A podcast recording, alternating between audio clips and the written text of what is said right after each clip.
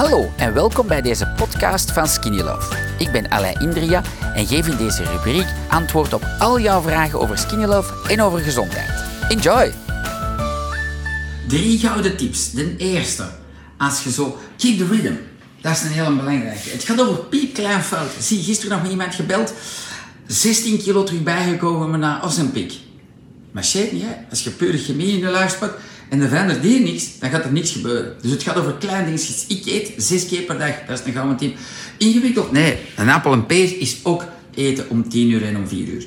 Dat ritme is heel belangrijk. Dus het is nu 17 voor 10. Ik eet, ik zie naar die druiven hier en ik denk, goh, die zijn wel lekker. Maar ik zeg, ja, waarom heb ik de goesting in? Nee, ah, maar dat valt, ik heb niet genoeg gedronken, nog niet. Hmm. Mondspoeling, dat is een gouden. Dus eerste tip, het gaat over piepklein dingen. Tweede tip, hè, eet zes keer per dag. Derde tip, hou dat ritme. Ik pak geen tien uurtje voor tien uur. Dat kan me niet schelen als ik om één uur namiddags, vijf minuten voor mijn middageten. Maar ik doe dat niet. Snap je? Dat is een gouden. Tot zo.